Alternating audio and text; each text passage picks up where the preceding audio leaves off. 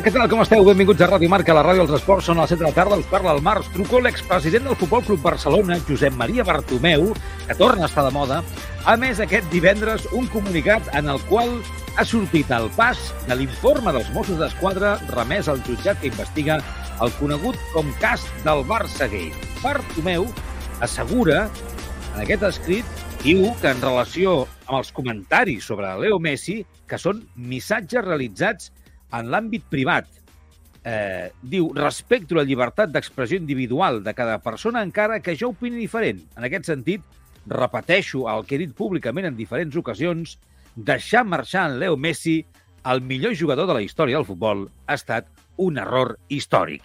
I, per tant, li ha passat la patata calenta a, a Joan Laporta, eh, com aquell que diu. Carlos Rojas, què tal? Bona tarda, com estàs? ¿Qué tal? Buena tarde. Pues encantado. encantado. Benvingut. Avui encantado con el show. Con el show, sí, és tot un show. És un show aquest programa, el Tribuna Marca, és un show al Barça, és un show al Barça esportivament i al Barça institucionalment. És tot meravellós. Per cert, parlant de show, em ve de gust dir-ho, em sembla que el proper cap de setmana vaig a veure el Circo del Sol, que no els he vist mai en directe, Anda, amb, això que, fan, amb això que fan al Palau Sant Jordi, de cristal i no sé què. Eh, pues, fantàstic.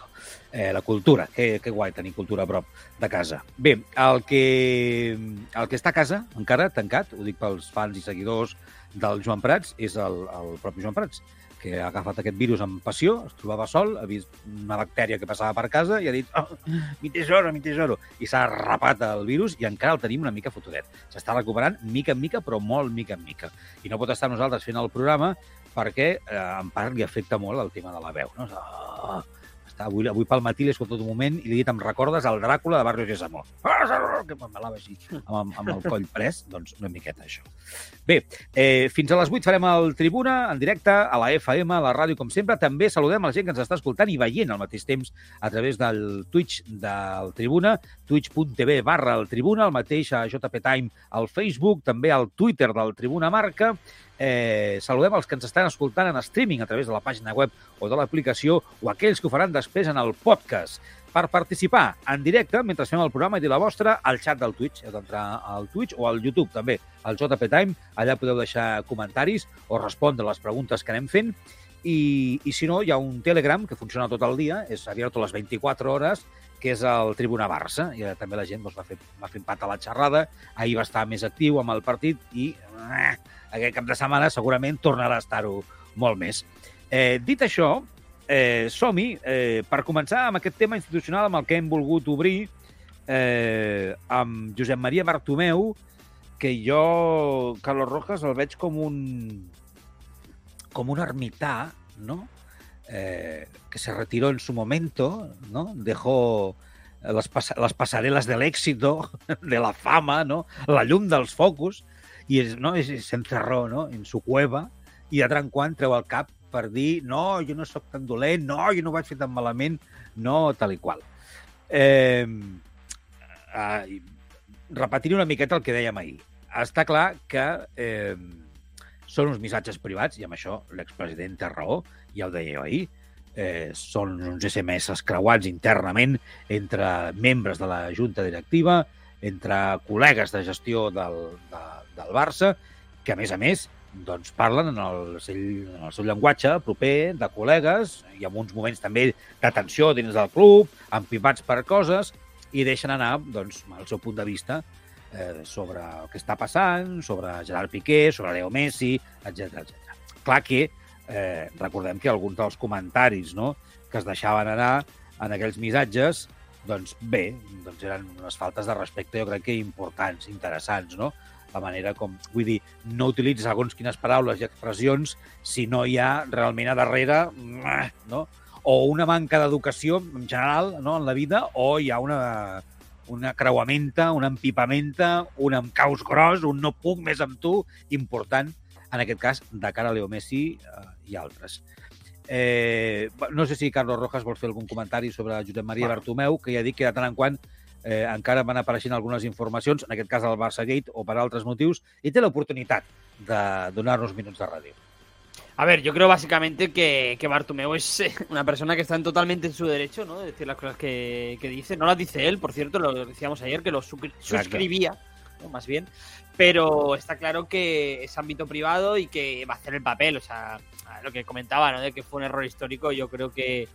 eh, ya no lo digo por Bartomeu, tampoco quiero señalar porque estaría feo, pero sí que es verdad que la gente que siguió, ¿no? Cuando Bartomeu plegó, ¿no? Quien se quedó en la gestora, pues hizo comentarios acerca ¿no? de Leo Messi ¿no? y de su contrato que había que verlos, ¿no? Había que, que escucharlos. O sea, no, no, pare- no eran los más los más pacíficos, ¿no? Los más o los más eh, que apostaran por su continuidad, precisamente, ¿no? Yo, yo creo que Bartomeu, para Bartomeu es muy fácil salir hoy y decir, no, hombre, no, que se fuera Messi fue una, fue una cagada, ¿no? Fue horrible para todos. Cuando yo creo que si él eh, hubiera estado en el cargo, ¿no? En la posición o en el tiempo en el que estuvo Joan Laporta, ¿no? En verano 2021, seguramente habría acabado cediendo de la misma, no sé de la misma manera, pero el resultado, ¿no? El, el final, el desenlace habría sido para mí idéntico, habría sido exactamente el que fue. Sí, bueno, és l'única cosa, no? Al final, el missatge aquest, eh, estem d'acord, però és el missatge aquest, no?, que jo crec que aprofita eh, i jo crec que és lleig. Des del meu punt de vista, eh? segurament ell té la seva explicació. Ho veurà d'una altra manera. Però eh, la marxa o la sortida del Barça de Leo Messi mm, per mi no només va ser responsabilitat de Joan Laporta i del de la, seu equip directiu que acabaven d'aterrar, que encara no havien desfet les maletes, com aquell que diu, no? eh, ho fessin millor o s'equivoquessin, però la situació en la que estava el club venia donada per la gestió que s'havia fet anteriorment, per tot el que se sabia i semblava que la gent, alguns no ho volien veure, per tot el que es va saber i per tot el que es va saber, encara que alguns ho volen seguir tapant i dir que no. Ja sabem que a l'hora de, no, de defensar o criticar números mm, es pot fer màgia i, i vendre moltes motos. Però la relació mm, que hi havia al Barça amb l'economia era molt dolenta, per entendre'ns, no? Hi havia hagut una pandèmia, sí, però la gestió la que, era la que, la que estem veient, no? que costa pagar tant encara amb jugadors que hi ha una rèmora aquí econòmica amb ells, entre altres qüestions no? de despeses del club. Bé, tema econòmic, perquè això, clar, no només té a veure amb el passat, sinó que té a veure amb el present.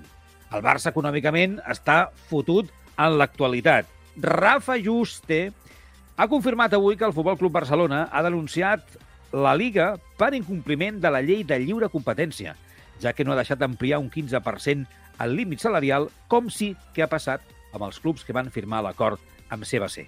Aquest 15%, que en el cas del Barça correspondria als diners obtinguts de Six Street, suposaria disposar de, oh, mira que bé, 90 milions per poder fitxar.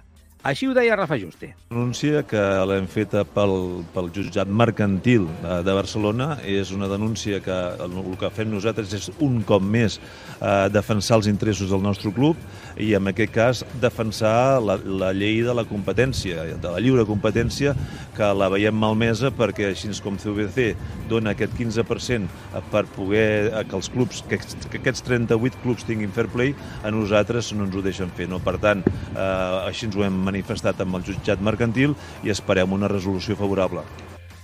Bé, doncs, eh, entre altres coses, eh, ha parlat Rafa Justi avui de diferents temes, però suposo que aquest és una mica el més destacat, és el gran titular i uf, és que també a mi em cansa, eh? Però bé, és tornar a posar al damunt la relació o la mala relació entre la Lliga i el Barça, entre Tebas i el Barça... No sé què diuen els oients, eh? Espero que estigueu donant la vostra opinió.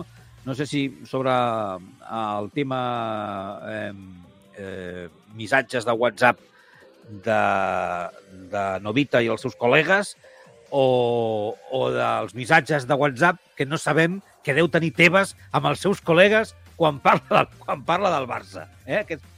Espera, que no t'escolto, Carlos Rojas. Què dius? Estàs mutejat. No, no, estàs, que estàs... A veure, no, no te oigo, eh? Ha passat algo. Per què no t'escolto? Tens alguna cosa? Avui està el Carlos Rojas a casa seva I tens alguna cosa amb el micro que... Eh, desapareciste... Hòstia, a veure si ho podem arreglar. Eh, el que dic, que anem a veure si voleu dir alguna cosa al respecte eh, del, que, del que passa amb Tebas, no? I la qüestió econòmica, eh, perquè veig alguns missatges d'alguns oients que ja diuen, hosti, doncs ens deu 90 milions. Clar, eh, mira, el Peter Smack ens està posant un missatge que diu «Eso no es verdad, truco. El Barça tiene dinero, lo que no tiene es massa salarial». Bueno, sí, a veure, eh, no, em sembla bé filar prim, eh, amb, amb les paraules. Eh, tens raó, però la situació econòmica del Barça no és esplendorosa per molt que diguin. És a dir, el Barça s'ha hagut de vendre claro. patrimoni, ha hagut de posar patrimoni en joc per poder tirar endavant. El Barça, recordem-ho, deu encara diners a molta gent, a molts jugadors, no? i té encara molts deutes pendents de pagar. Eh, el Barça té una situació econòmica tan meravellosa que el tema de l'Espai Barça està resultant mm, complicat, no, al següent, per aconseguir crèdit, per aconseguir algú que deixi la pasta i hem d'anar a patar a empreses desconegudes que ja veurem si finalment serveixen per aconseguir el crèdit o no. Per tant, mm, ja sé que a vegades els comentaris crítics eh, hi ha gent que no els hi acaben, no acaben de... d'entomar-los bé yo sé por dónde va, ¿eh? Peter Smack. O sea, entiendo que lo que él quiere decir no es lo de la. Sobre todo lo de la masa salarial. Es verdad que el club ahora tiene dinero, tiene eh, cash, ¿no? Entre comillas, pero porque ha habido de. ha tenido que sacrificar, ¿no? El patrimonio del club, ¿no? Correcto, Para poder... correcto. Hay muchísimos. O sea, hay muchísimos asteriscos, ¿no? En todo esto. Está claro que, que, bueno, que Tebas iba a llevar esto a una guerra. Yo me acuerdo en agosto, cuando teníamos, agosto, julio, ¿no? Cuando teníamos aquí el debate con Joan, ¿no? De que, bueno, parece que te vas desde que la puerta ha salido y la ha puesto en su sitio. sí, ¿eh? Yo, me acuerdo y dije, sí, es verdad, pero estoy seguro que este hombre, sabiendo cómo es, lo que está haciendo es guardársela para cuando tenga, ¿no? Y, creo que lo hemos visto primero con las leyes, anti, normas antipalancas, ¿no? Que ha ido sacando la liga en este tramo final de 2022. Y bueno, ahora con esto de CVC, que insisto, para mí lo de CVC ya no es que sea una guerra con el Barça. No es porque sea el Barça, es porque CVC para mí es el proyecto más ambicioso de la era moderna de la liga para temas. ¿No? Ha sido él quien ha padrinado este proyecto y el que se lo ha vendido a todos los clubes pequeños como la salvación ¿no? ante el fútbol moderno y ante el dinero de la Premier y demás. No está siendo así y además el Barça, además de que le ha pasado de su cara como hizo el Madrid, el Barça ha encontrado una fórmula alternativa mejor que la que propuso Tebas y que era el proyecto de su vida, entre comillas. Es algo que para mí Tebas no digiere bien y está clarísimo que todas las acciones de la liga y de, Javier Tebas desde entonces van dirigidas para aplacar ese tipo de, Bueno, lo que ha pasado con el Barça. Yo creo que ahora mismo Laporte y su junta directiva son el enemigo número uno de Tebas en este sentido. Bueno, això està clar. Això jo crec que, com a mínim, des del punt de vista culem general, amb això estem tots d'acord, no? Perquè, a més a més, cau pel seu propi pes des de fa molt de temps eh, la ràbia eh, uterina que li té eh, Tebas al Barça i a tot el que soni, no sé si dir fins i tot a, a català, a Catalunya, al Barça i, i al, al color blaugrana i a la senyera, una miqueta, no? Eh, clar, ja sabem aquest senyor de quin perfil és, és que a vegades també ens parlem en obvietats, vull dir, ja sabem eh, quin tipus de persona és, no? quina ideologia té, quina manera té de pensar. I com he dit moltes vegades, jo crec que, eh, com, com a mínim, eh, a nivell de gestió, potser, mm, clar, ja dic que quan parlem de números i de finances, aleshores potser el debat seria un altre, no? Eh, I seria més complicat fer una valoració. Però jo crec que a nivell d'imatge eh, és un mal president, és un pèssim president, no? És un senyor, ho he dit moltes vegades, que eh, en comptes de posar pau, en comptes de vendre de cara a l'exterior eh, eh, doncs una lliga unida, una lliga amb la possibilitat de superar els problemes, una lliga forta, eh, el bon rotllo a dins de la lliga, no? I sobretot, perquè és així, crec que hauria de ser així, no? Eh, defensar els principals estàndards que té la Lliga, no? com són doncs, el Barça, el Madrid, alguns jugadors, altres clubs també, no? doncs es dedica, i sobretot amb el Barça, no amb altres clubs, no amb el Madrid, per exemple, eh, sempre que ha pogut i li han preguntat, es dedica a parlar del Barça en negatiu. i no podran, i no han, és que no fan bé, és que haurien de fer això i no fan, per tant, si no fan això no podran, com si fos no? una, una, un, un club, una entitat fora de, no? extern, enemic, anava a dir, no? Una miqueta a vegades sembla, per les paraules de teves, que el Barça és els, els d'allà, no? els enemics que hem de suportar i que els hem de suportar perquè a sobre de ser enemics, a sobre són grans, mm, eh, poderosos i, i juguen bé, no? I tenen un bagatge històric. I sembla que això li, li costa. Però tot això, que estaríem d'acord, i estaríem d'acord amb Juste, amb, el, amb la decisió que pren el Barça, jo crec que no treu de dir que el Barça, per molt que faci número també, màgia amb els números, vull dir, i amb les palanques, té la situació que té, perquè té, com molt bé dieu, la massa salarial que té. I des del meu punt de vista, jo crec que un dels problemes del Barça, no sóc gestor jo de grans entitats, evidentment, però un dels problemes és la despesa. La despesa que fa anys, la despesa enorme que fa anys que té el Futbol Club Barcelona. Perquè quan tens tanta despesa, quan gastes tant, pregunteu-li a Nicolas Cage, que ja sabeu que ha de fer 50.000 pel·lícules mierder perquè ha de pagar no sé quantes cases que té per a tot el món. I clar, ha de pagar, necessita fer molts diners per pagar totes les despeses que té. Doncs el Barça és Nicolas Cage. És el mateix. Ha de guanyar molts diners, ha d'ingressar molts diners. I, mm, bé, ha hagut de guanyar els últims diners o ingressar-los de la manera com els ha fet. I amb els problemes de massa salarial, perquè sabem que els contractes van com van. Aleshores, jo no dic que sigui fàcil, segurament no ho és, és molt difícil, però que les coses s'havien de gestionar d'una altra manera. I arribats aquí, ens trobem a un Tebas que a sobre de posar les coses fàcils, les posa difícils a un club de la pròpia lliga, no? I va a putejar i a fer diferències. Per tant, jo crec, anem a llegir alguns missatges, Carlos Rojas, si vols, o no sé si vols alguna cosa més, si no llegim missatges del que han dit fins ara els oients respecte al que hem estat explicant, o el que no hem explicat, que la gent a vegades va a, a su bola, a su rollo, i diu, aprovecho el Tribuna Marca para vender una bicicleta, a ver si me la compran. Venga. Sí, totalmente. Bueno, a ver, Tebas, que, que, es un personaje que siempre genera mucha controversia. Vamos a ir leyendo algunos comentarios. El primero que nos, nos echaba la bronca, Marc, al principio, eh, Lolo, un oyente, decía, vaya cachondeo que tenéis con los horarios. Sí, sí, com el futbol espanyol, que ja sabeu què. No? Sí, Fins a última hora no se saben... en aquesta casa... Lo mejor, Lolo, es que si no estás viendo cómo es por, por Twitch o por YouTube, actives la campanita y te avisamos nosotros. No hace falta que te estés buscando hueco. Eh, Tugromi, eh, que decía Ánimo Joan al principio del programa. Manu Pérez Moya, hola, Busquets no puede jugar más de titular en partidos importantes. Ahora hablaremos, ahora hablaremos. El propio Tugromi que añadían después, si te arriesgas a poner según qué cosas, te arriesgas a lo que les ha pasado. Lo hice por el tema de Bartumeu, de Los con el que el programa. Eh, Tebas eh, nos debe 90 millones por Bernardo Silva, jajaja, ja, ja, decía Pro In Games. Luego Prosiquito 4 decía Tebas al carrer. Tebas ha de treballar para els clubs i va de sheriff de la Liga.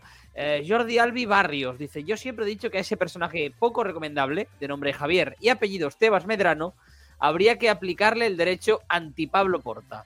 Y por último, eh, Euronacho que nos preguntaba si el programa está grabado, que no se habla, no se habla del partido de ayer. Pero oye, pero qué, qué manía, o sea, cada uno que diga y opine lo que quiera, pero dejarnos hacer el programa cuando nos, cuando nos dé la gana. O sea, el Nacho quiere que hablemos primero del partido de ayer. Pues ahora hablaremos del partido. Ahora vamos a escuchar a Xavi, vamos a ver a Xavi, vamos a hablar de este Barça, del partido de ayer, de los goles de ayer, de Ansu Fati, de Lewandowski, de Dembélé, de todo eso y de lo que te rondaré Morena que viene, que viene por delante. Poca broma, però ja sabeu que ens agrada el, el, el merder. Mira, el xup-xup que deia Piqué. Uh, sí, exacte. El Jiménez Is diu, com ho sofria ayer? Claro, claro, sí, sí, tot això, eh? Veu patir... Bueno, anava a, ja a preguntar al Carlos si havia patit o no en el partit Home, jo, i en els jo... penals, però no, però... Yo quería que pase, no sé, me apetecía un Madrid-Betis en la final. ¿eh? ¿Qué, cap, qué, cap, qué capullet que es? ¿Así? ¿De verdad?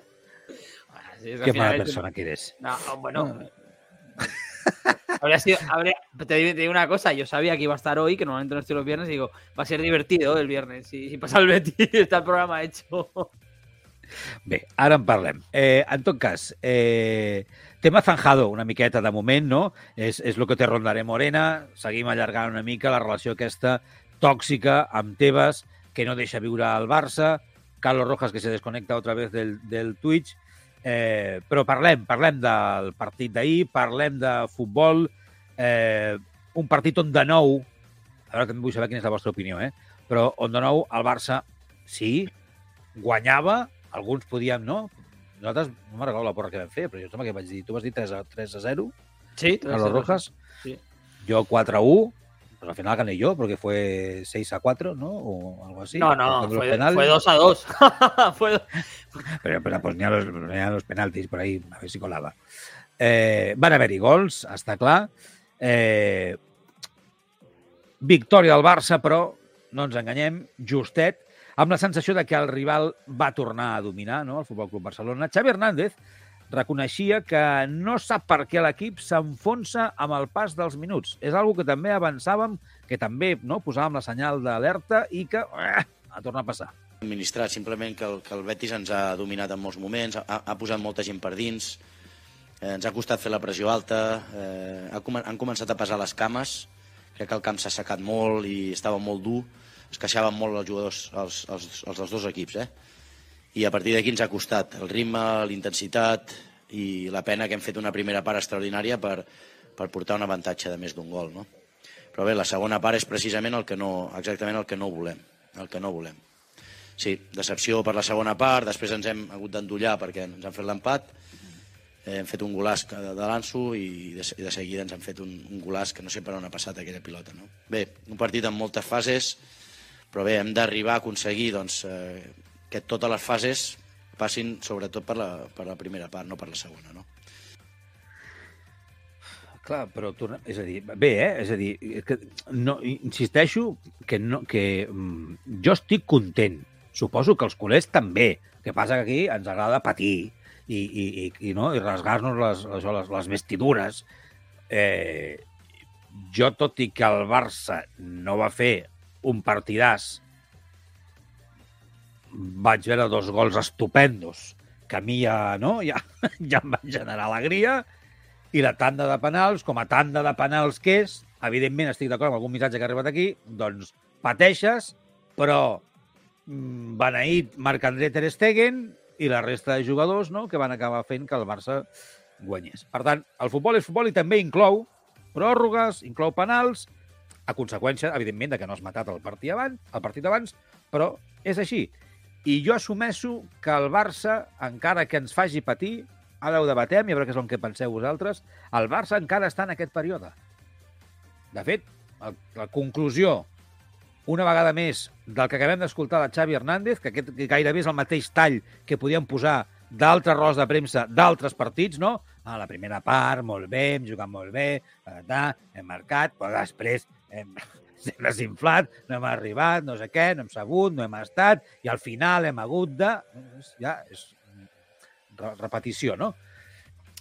I això és conseqüència de que encara la cosa no està feta, de que l'equip encara no ho té tot assumit i que fallen aquí encara cosetes. Que fallen cosetes. Clar, el que passa que Carlos Rojas eh, tècnica, qualitat, n'hi ha a Can Barça. Eh, repartida de la manera que cadascú doncs, un, potser haurà no, més excel·lència en un costat o en un altre, però indiscutiblement n'hi ha. Hi ha màgia a les botes dels blaugranes. Eh, el tema físic és un tema que una vegada més el podem tornar a posar damunt de la taula. És un d'aquells que jo el tinc també com alerta. El tema físic continua sent quelcom a arreglar, a solucionar, perquè a vegades no da pa más el físic, no? I després, el tema, una altra vegada, el tema del coco, de desendollar-se. Passa alguna cosa que perds no, la, les ganes o la potència o la concentració, et conformes, no saps matar, i saber jugar a futbol i saber marcar golassos, no és que no... Vull dir, això és inqüestionable. Sigui, ahir el gol d'en Sofati, ah, d'orgasme, no? Lewandowski, doncs, doncs, doncs, doncs no va ser el mateix, però també, ah, vull dir, amb una qualitat, en aquell moment, allà, és fantàstic. Saben xutar, saben marcar, no tots, no tots. Aquest és un altre tema que tenim pendent. Però, clar, a mi em dóna la sensació, Carlos, que el que li falta al Barça això, clar, li falta mig partit. Li falta estar mig partit al Barça.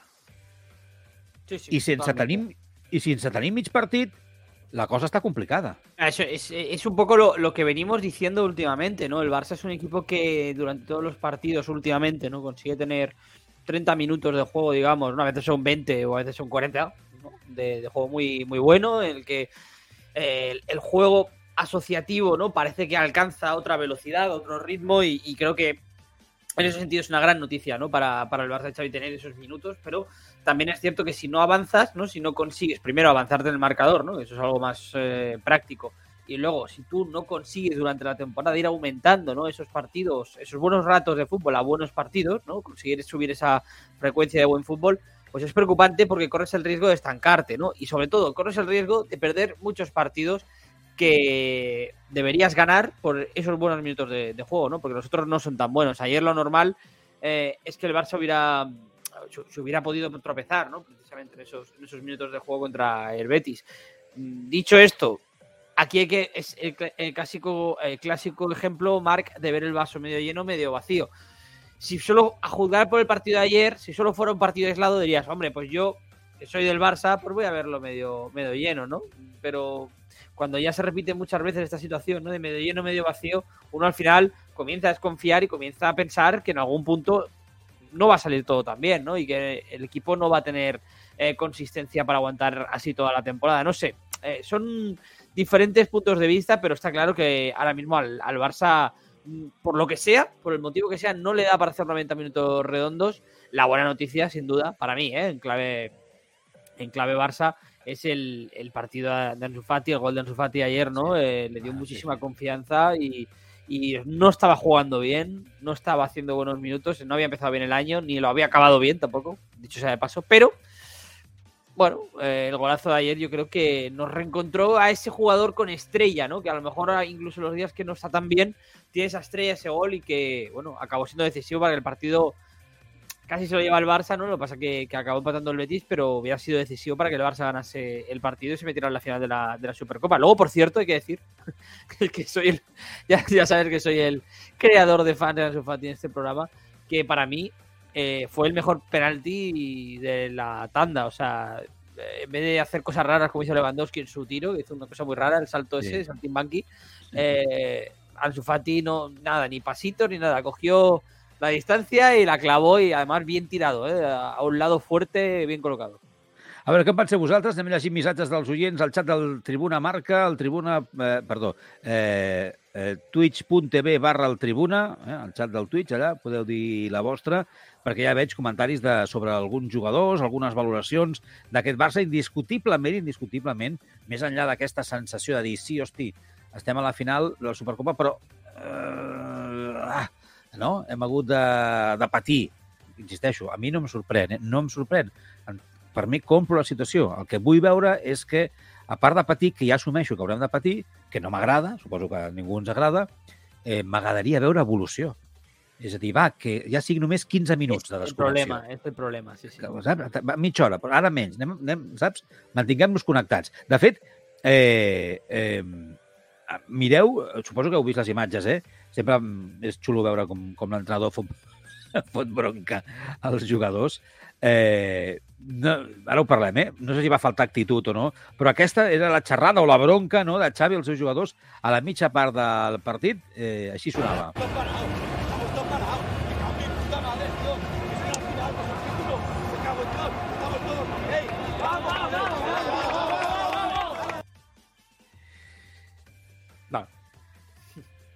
No, però... Eh, clar, és que veure, mira, eh, jo entenc que una de les mm, facetes o dels papers del jugador, perdó, de l'entrenador, és saber animar els jugadors, no? Perquè, bueno, pot ser normal, no?, que el jugador, que és el que està lluitant, que està intentant no, superar el rival, que està intentant defensar la seva àrea, la seva porteria, davant d'alguns equips o d'alguns partits on costa marcar gol, on costa defensar, on costa el que sigui, doncs doncs bé, et vas desgastant, no? vas cansant físicament i anímicament és normal, és normal, si això ho entenc, et vas desgastant.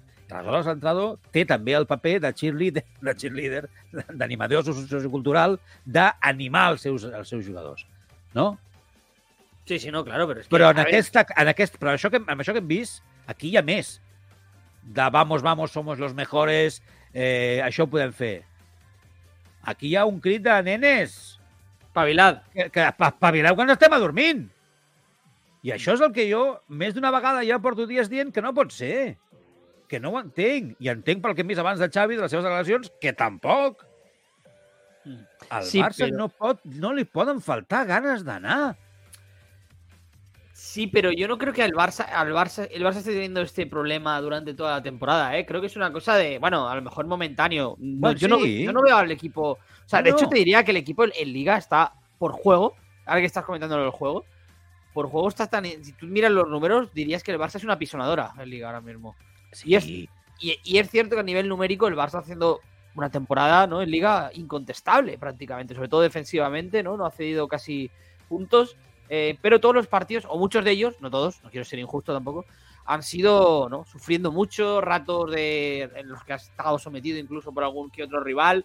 Eh, son cosas que, hay que pulir y, cosas que, están ahí, pero, pero si tú ganas esos partidos en los que se complica por fútbol, precisamente por coraje, por gana, por garra, ¿no? Eh, el equipo yo creo que está dando la cara en ese sentido.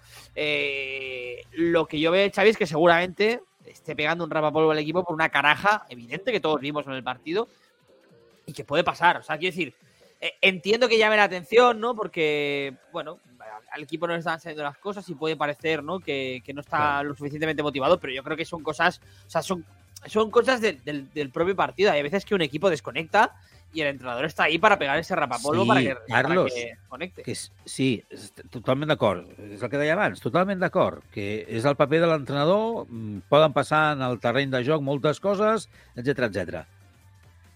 Però el que no pot ser és que això sigui habitual a tots els partits. I que hi hagi aquesta connexió durant un temps important en el que no has matat el partit, el que no has posat suficient diferència en el marcador i en el que les coses es poden complicar. Perquè ahir, com deien alguns, alguns oients, doncs va anar d'un pèl. Sí, sí, no. Ah. pero- Ah, pero un que decir no será la última vez que vamos a Xavi así, ¿eh? O sea, que desengañémonos. y no ah. significa que el, que el Barça no, se, no sea porque el Barça vaya a desconectar o vaya a estar desmotivado durante toda la temporada. O sea, eso, eso yo creo que, que- que pasará porque toca, porque en el fútbol pasa, pero bueno, es cierto que si no lo podemos, si no lo vemos, mejor. Y si el Barça sale a morir en cada partido, pues, pues también. Eh, yo no diría que el Barça juega los- todos los partidos a morir, pero creo que el Barça cuando le toca remar, este Barça, a diferencia de otros, luego gana o Rema. pierde, rema. Sí, sí, sí. No, no, no, no, no vull semblar amb aquest comentari, amb aquesta crítica, eh, que estic dient que no ha canviat res, eh, que no hem evolucionat, sinó tot el contrari, però que encara s'ha de fer i hi ha coses que estan aquí per, per treballar molt. Eh, L'entrenador del Barça ha estat molt criticat pels canvis del, del partit d'ahir, amb raó o sense raó, perquè avui s'ha conegut que Dembélé i De Jong estaven tocats i que, per tant, els havia de canviar, no? Sembla que li van caure palets perquè amb la sortida d'aquests dos jugadors les coses han semblat trontollar una miqueta, Carlos. Però, clar, estan, estan tocats els, els dos jugadors i, i, clar, els vol pel proper partit, el de la final. I, i potser el reserva a si arriben. No, no, sí, está claro que, que en ese sentido, Xavi, para mí sí, sí es la realidad, ha hecho una buena gestión. Yo a lo mejor me los habría guardado, bueno, es que en un partido de, de a priori más igualdad, ¿no? porque ayer la hubo y mucha, pero el Barça era favorito con claridad, ¿no?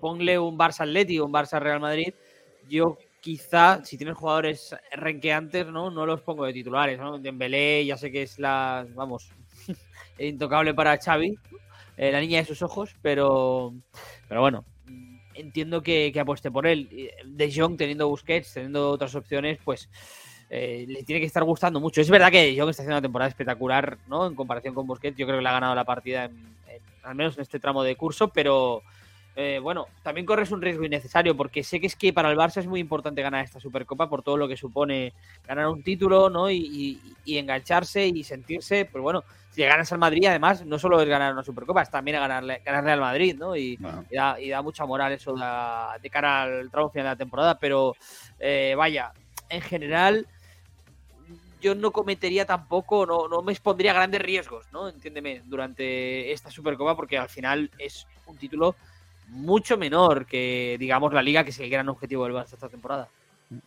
Bé, més noms que s'ha de fer, llegem, insisteixo, eh, llegem missatges perquè veig que també hi ha comentaris sobre el tema, però què hem de fer, o què penseu vosaltres que hauria de fer en Ferran Torres? Jugador que diem que està en crisi total d'identitat, eh, un mirall de què va ser el València o el City i no sé si dic amb l'autoestima pels terres. I sembla que la gent, bueno, ja fa temps, no?, que ja diu que, que prou, no sé, ¿qué anda en Ferran Torres? Carlos. Yo con Ferran Torres es que teniendo las opciones que tiene el Barça en los extremos ahora mismo y en la, delantera, ahora mismo sería, fíjate, te diría incluso mi última opción. Es una persona que futbolísticamente no le está dando al Barça lo que le tiene que dar y a nivel de actitud, ¿no? O de, o de inteligencia, ¿no? Y demás, tampoco está en ello. Ya recordemos lo que pasó en el último partido, más allá del tema de la sanción y demás. Yo creo que es un jugador que está descentrado, desquiciado. No, no sé si decirte incluso que empieza a quedarle grande el Barça ya en líneas generales, es decir, yo recuerdo con Joan estuvimos hablando el otro día, ¿no? Que Rafinha podría marcharse del Barça este verano si llega una oferta, porque es una oportunidad, ¿no? Para hacer caja. ¿Por qué no Ferran, no? ¿Por qué no Ferran? Ya sé que fueron 55 millones y que los has pagado este mes, pasado mes de septiembre, pero es un jugador que se devalúa mes a mes, ¿no? Y que no va. A mí, sinceramente, antes me parecía que Xavi contaba con él, entraba en sus planes, era un jugador que le gustaba. Cada vez me parece que Xavi se desengancha menos, ¿no?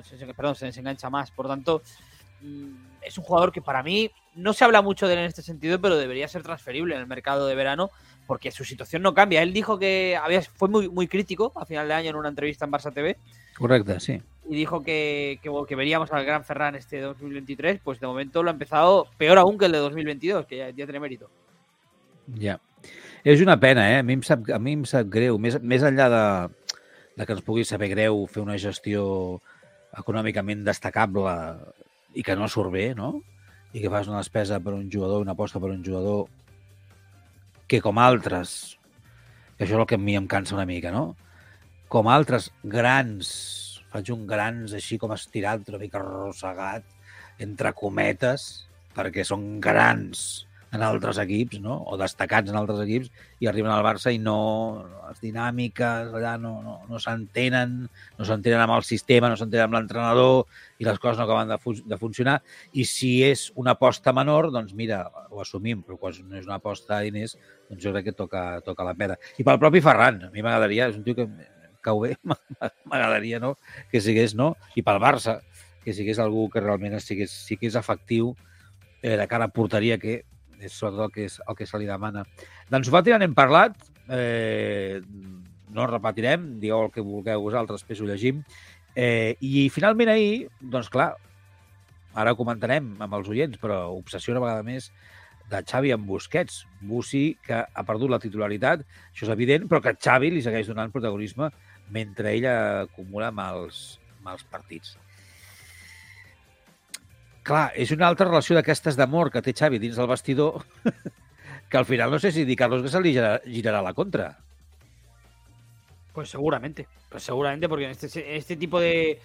Hasta ahora todo lo que estamos viendo, ¿no? Eh, está siendo una temporada de altibajos, ¿no?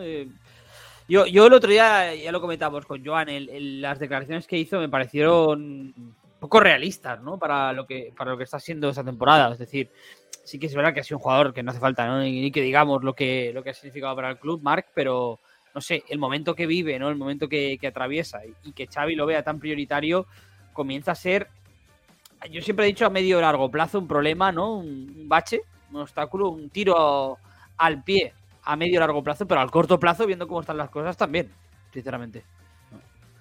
Bé, va, les 7 i 39. Eh, anem amb alguns missatges dels oients que estan dient la seva a través del xat del Twitch del Tribuna Marca, al tribuna.tv barra... El, perdona, al twitch.tv barra el Tribuna, que que lo diga de Mago Chulo, te lo digo de memoria y lo digo al revés. Hmm. Porque llevo una semana que verla, no, estoy, ¿no? no estoy como Joan Prats, moribundo, zombie vampiro en casa perdido, pero casi me falta. Me falta Mejor que la de Piqué, seguro, ¿eh? Sí, que- sí, lo de, Piqué, o sea, ja estic, lo de Piqué és insuperable. Avui suposo que tots heu vist ja el, no, el, la versió dels de Polònia que ja han fet del, del videoclip de la... Que, que a més a més són uns cracs, l'han fet, please, no? Ahir, al, ahir al matí va sortir el videoclip i ahir al vespre ja la tenien, no? Uh, la versió aquesta del videoclip que han fet de, de la cançó del, de la Shakira. Eh, Déu-n'hi-do el Piqué, sí, sí, sí. Eh, va, què diuen els oients de tot això? Hay infinidad de mensajes. eh, A infinidad. Yo diría de los que más en los últimos Ya- tiempos. Sí. Eh, palabra 777 decía, solo pido por favor que no sigamos con la milo- milonga de la fortaleza defensiva, que llevamos unos partidos dando pena en defensa. Peteras Mac apuntaba, el Barça con todo lo mal que está juega 10 veces más que el Real Madrid. Espero que no nos roben otra vez en la final. Proseguido 4 dice, seguim guanyant partits de potra, no sabem rematar als partits. un par de comentarios de Tugromi que decía, no hay manera de hacer un partido decente, ya no digo ni bueno. Encima el Xavi, que la primera parte ha sido excelente con balón. ¿Qué calificativo le debe poner a cuando jugaba él con Guardiola? Pro in Games dice, por eso mismo Xavi tiene que espabilar, se le ve de lejos. Está verde. Guapi 1977 apunta, yo tengo la sensación que el equipo se cae cada vez que Busquets dirige el centro del campo. No llega Pedri por físico para hacer su faena y correr para cubrir el campo. Eh, luego, por otra parte, Pro In Games apuntaba también que el Madrid juega en la Kings League, siempre en la carta, juegan con la carta de penalti a favor.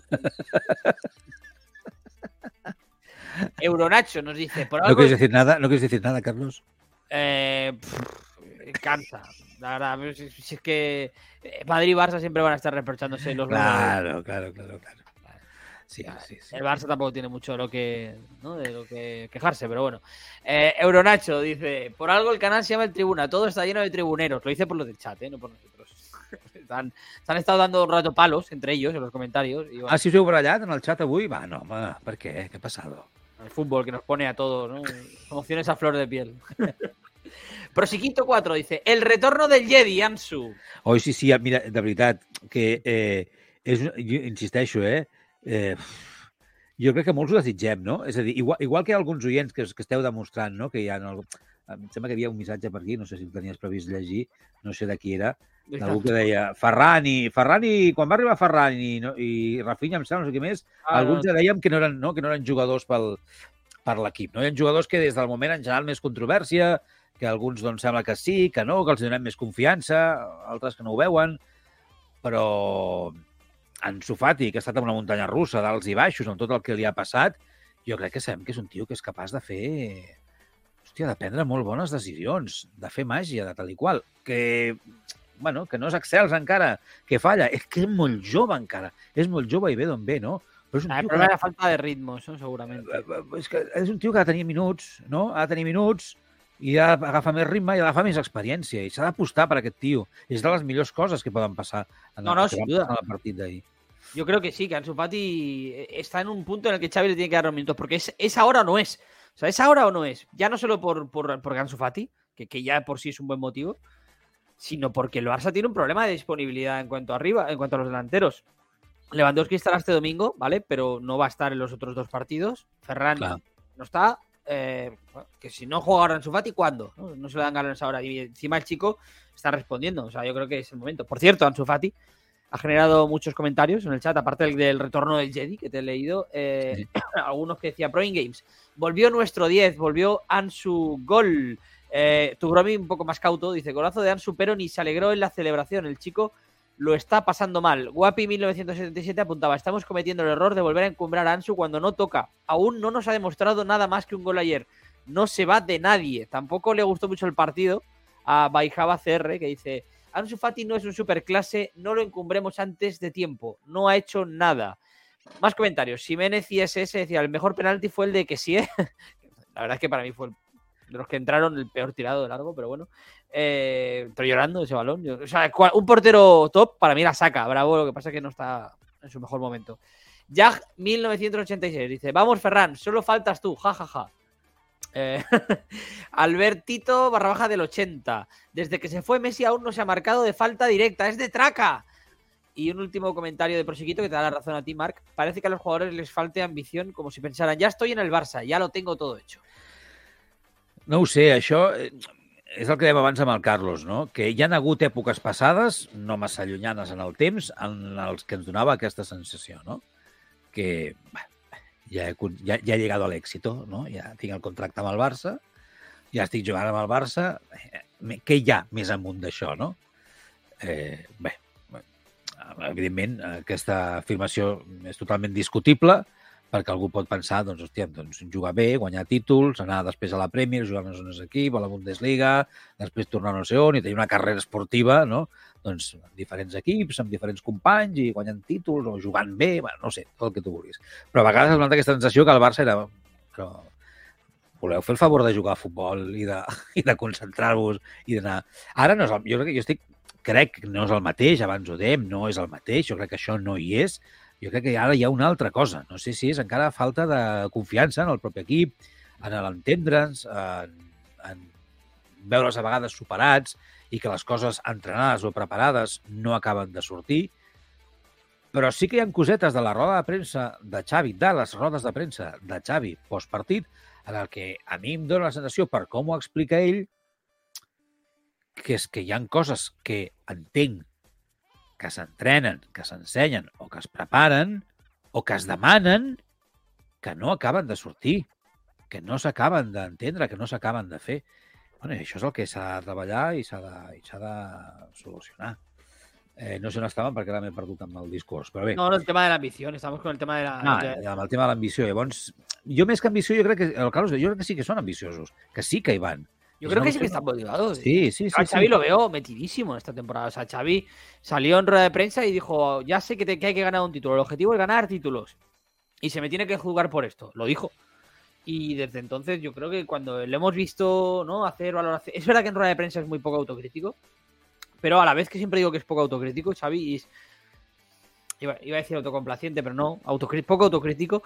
Eh, lo que sí que es es muy exigente con sus jugadores en, esos momentos, ¿no? Y yo cuando lo hemos escuchado en el Prime Video o, cuando le captan las cámaras de Movistar el día después o ayer, ¿no? En la, este audio que hemos escuchado antes, yo creo que queda claro que es, una persona muy exigente con, con, esta plantilla, sabe, la ve capaz de conseguir títulos, ¿no? No, no sé si la, para la Champions no le daba, ya lo confesó, ¿no? Lo admitió, pero yo creo que sí que la ve capaz para poder ganar títulos. Ve, ahora ve la pregunta. Ahora es cuando voy a poner la musiquita de tensión. Uh. Esta, esta, está ya arriba, que ha, aparecido el Kraken ya. Voy a poner otra. 7 i 47. Kraken. Di, di, divendres 13 de gener de 2023. Viernes 13. Mm, ¿Qué tal, com estàs? Jason, no? No el el Viernes 13, en el Jason. Amb tot això que hem dit, qui és favorit a la final del diumenge a les 8 del vespre, Madrid o, o Barça? Pregunta que llenço els oients del Tribuna Marca. Esperem les vostres respostes, els vostres comentaris. Qui és el favorit? Perquè, a veure, el camino hasta esta final dels dos diríem que ha estat tortuoso una miqueta, ¿no? Carlos Rojas.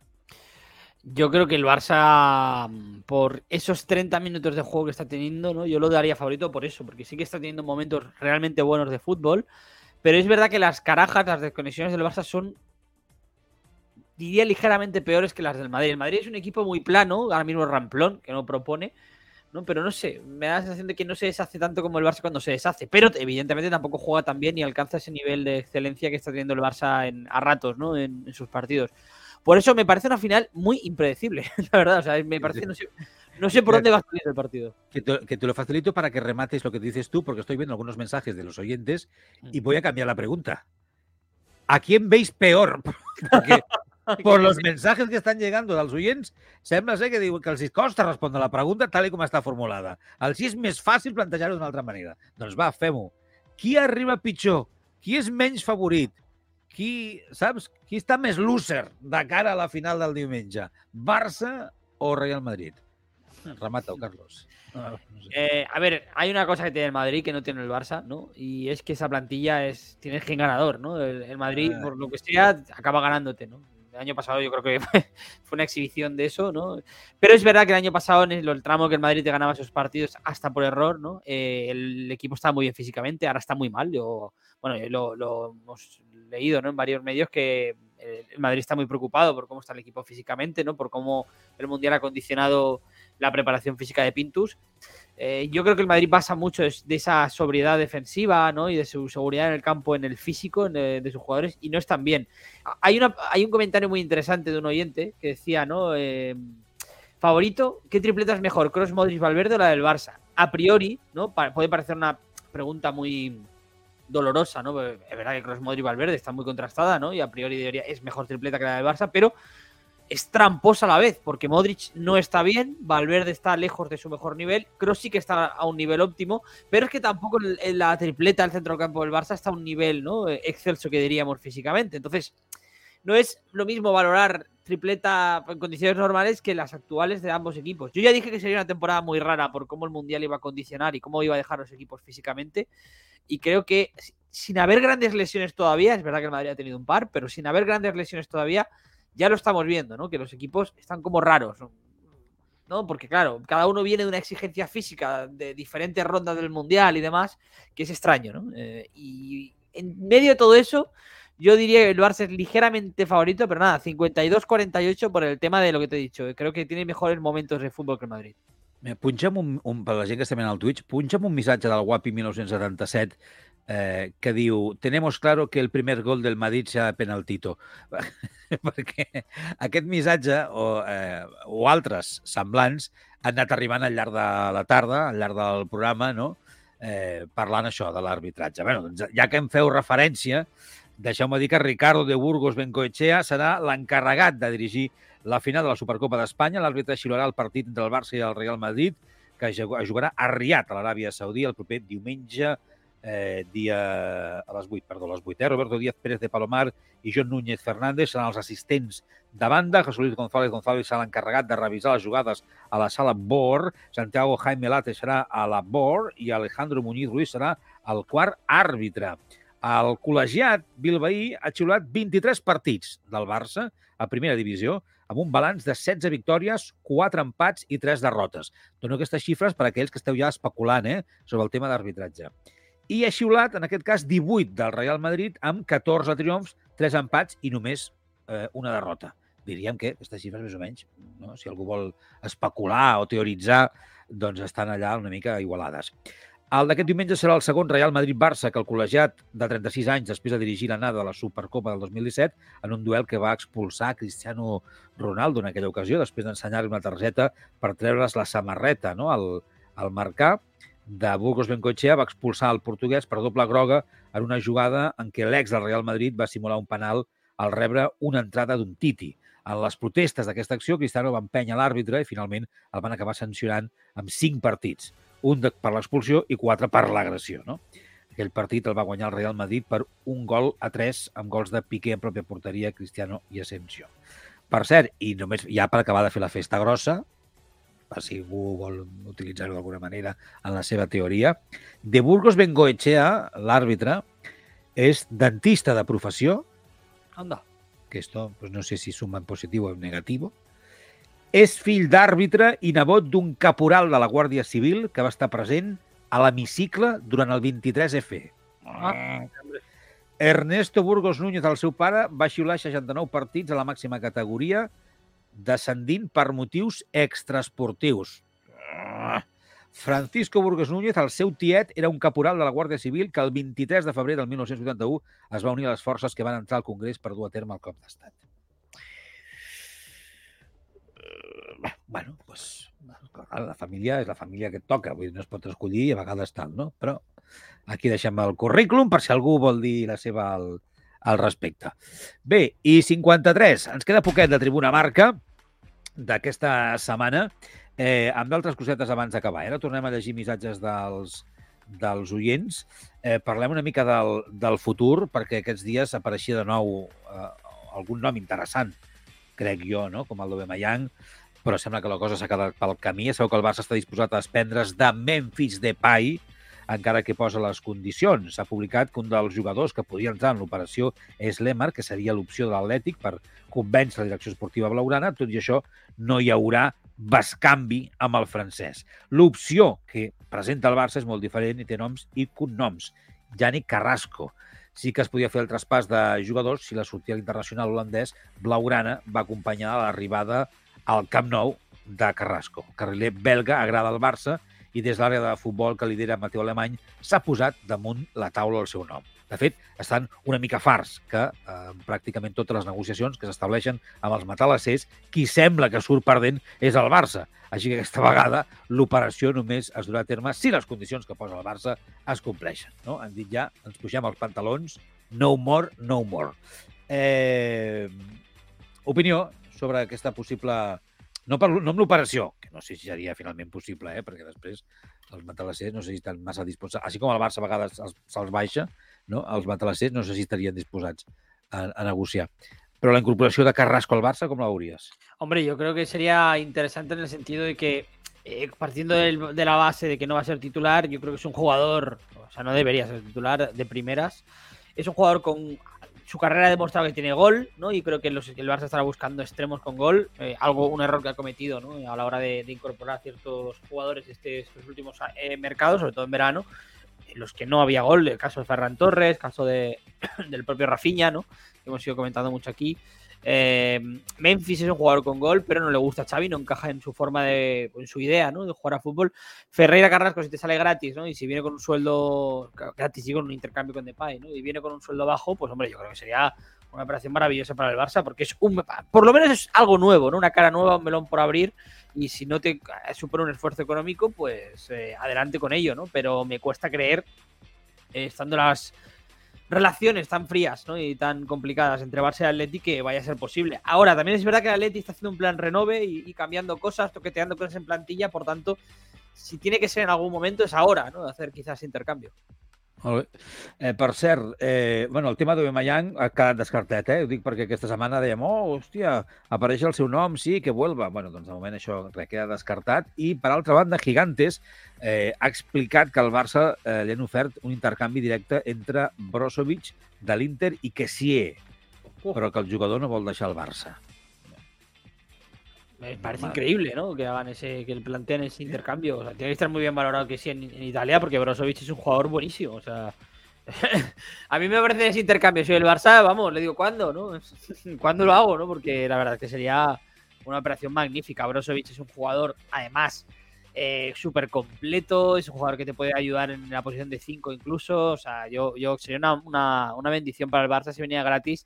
El problema es lo de que sí, ¿no? Que no quiera, que no esté dispuesto a irse de por sí la operación me parecería bastante compleja, ¿eh? la que comentas, pero deportivamente sería una bendición para el Barça poder canviar a que sí por, por Brozovic, sí, sí. Bé, informacions que van apareixent, eh, ja veurem el recorregut que puguin tenir o no. Rematem això amb alguns dels últims missatges al xat del Twitch que arriben amb més comentaris i preguntes que ens fan. A veure. Albert Roura 76 decía, lo siento, pero ahora mismo la tripleta Gaby Pedri de Jong no dominan el partido de los 90 minutos.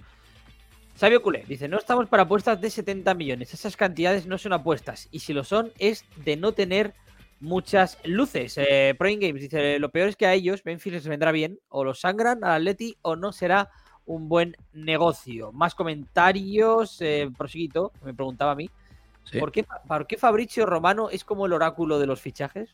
Eh, bueno, es una pregunta y yo creo que no me corresponde responder, ¿no? Es una persona que se hace eco de informaciones de, muchos compañeros, ¿no? Él tiene la suya, evidentemente también muchas veces, ¿no? Es una persona que basa su trabajo en explicar el mercado de fichajes. Igual que otros lo hacen en cubrir al Barça o cubrir al Madrid, ¿no? O nosotros en el tribuna de todo un poco. Pues él las 24 horas de su vida van dedicadas a, a seguir fichajes. Es verdad que entiendo que hay gente que lo tiene como el, Naroski, ¿no? Del, del, fútbol y no es así, porque él muchas veces hace eco simplemente de compañeros, ¿no? O a veces incluso no solo se hace eco, hace otro tipo de prácticas, pero bueno, eh, un poco por eso. Y un comentario, Mark, de Guapi 1977, dice, vaya chasco me acabo de llevar yo. Eh, vaya chasco me acabo de llevar. Yo quería de, de árbitro al gran, al gran Mateu Laoz. Sí, no? Claro, sí, sí, sí, sí. Allà, per allà fer la festa grossa. Bé, eh, mira, estava buscant, és que no sé, no sé si la tinc aquí a l'ordinador, no? pensava que igual ha gravat algú la cançó de la Shakira, però... La de Bizarrap. Sí, ¿cómo se llama la canción esta? ¿Tú, tú te quedas? Tú? Eh, ¿Eh? no, no, Bizarrap no Sessions 54. ¿Ese es el nombre de la canción? Sí, claro. ¿Bizarrap Sessions 54? claro. Eso no me lo han Luego, si quieres, ordenador. post, programa te explico por qué. ¿Ah, que no se puede decir en antena o qué? No, sí, bueno, básicamente porque Bizarrap eh, tiene un producto que son sus sesiones. Entonces Ah, invita a, a artistas y a cada artista que invita, pues le pone el número. Ah, El 53 es la de Quevedo, la de 53. La de Shakira es 54. ya. Vale, pero, pero esto cuando Shakira, cuando Shakira lo saque, lo ponga en un álbum o algo, le Claro, pondrá otro título. Esa, canción es de Bizarrap, no de Shakira.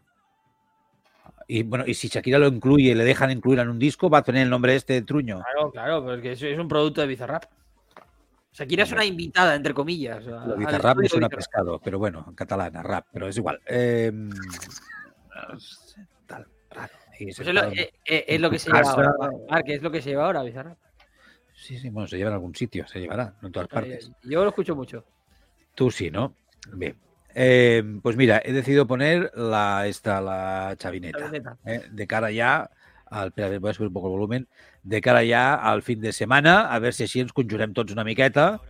Eh, jo crec que podem començar a posar espelmes, no, no cal ser creients, eh, ni catòlics ni res, es- per, per conjurar-nos, no? espiritualment tots, unos inciensos, unes cosetes, i enviar tots energia positiva a aquest Barça perquè jugui pues, 50 minuts de bon futbol davant del Madrid, a veure si con eso nos da un poquito, ¿no? Que haya un poco de pájara, pero que sea nada, en un momento que no moleste. Bueno, ho deixem aquí, eh, que són les 8 ja. Gràcies, Carlos Rojas, bon cap de setmana. Gràcies, buen fin de... Eh, no sé què passarà la setmana que ve, perquè el Joan encara està recuperant-se. Si està, pues estarà aquí a tope eh, i si no, doncs estarem la resta El- de a- l'any del a- a- al oyente que nos ha dicho antes lo de los horarios, el lunes estamos a las 5 en Twitch. ya lo sepa. ¿Sí? ¿Eso está decidido? ¿Seguro? Está decidido, Sí, sí, ya está decidido. El lunes a las 5. Seguro, ¿eh? Bueno, yo lo que he leído en el, en, en el planning. Ah, que tenemos planning ya. No, yo no me he oído todavía. Vale. Bueno, pues això. Uh, al Tribuna, al Twitch a les 5. I si no, després a, a les 7 en streaming. O al CAI FM o no? També en FM el lunes. Hay FM, hay FM. sí. Ah, també en FM. Bueno. Pues nada, tota la tarda amb el Tribuna Marca. Bon cap de setmana a tots. Eh, creuament de dits, molta sort, molta merda, el que preferiu, eh, culers, pel partit de... El Joan Estaràbia, diu el Prosic de 4. sí, segur. Eh, molta sort pel partit del, del diumenge. El dilluns estem aquí a les 7 de la tarda, a les 5 al, al Twitch, la gent del Tribuna Marca. Bon cap de setmana, adeu!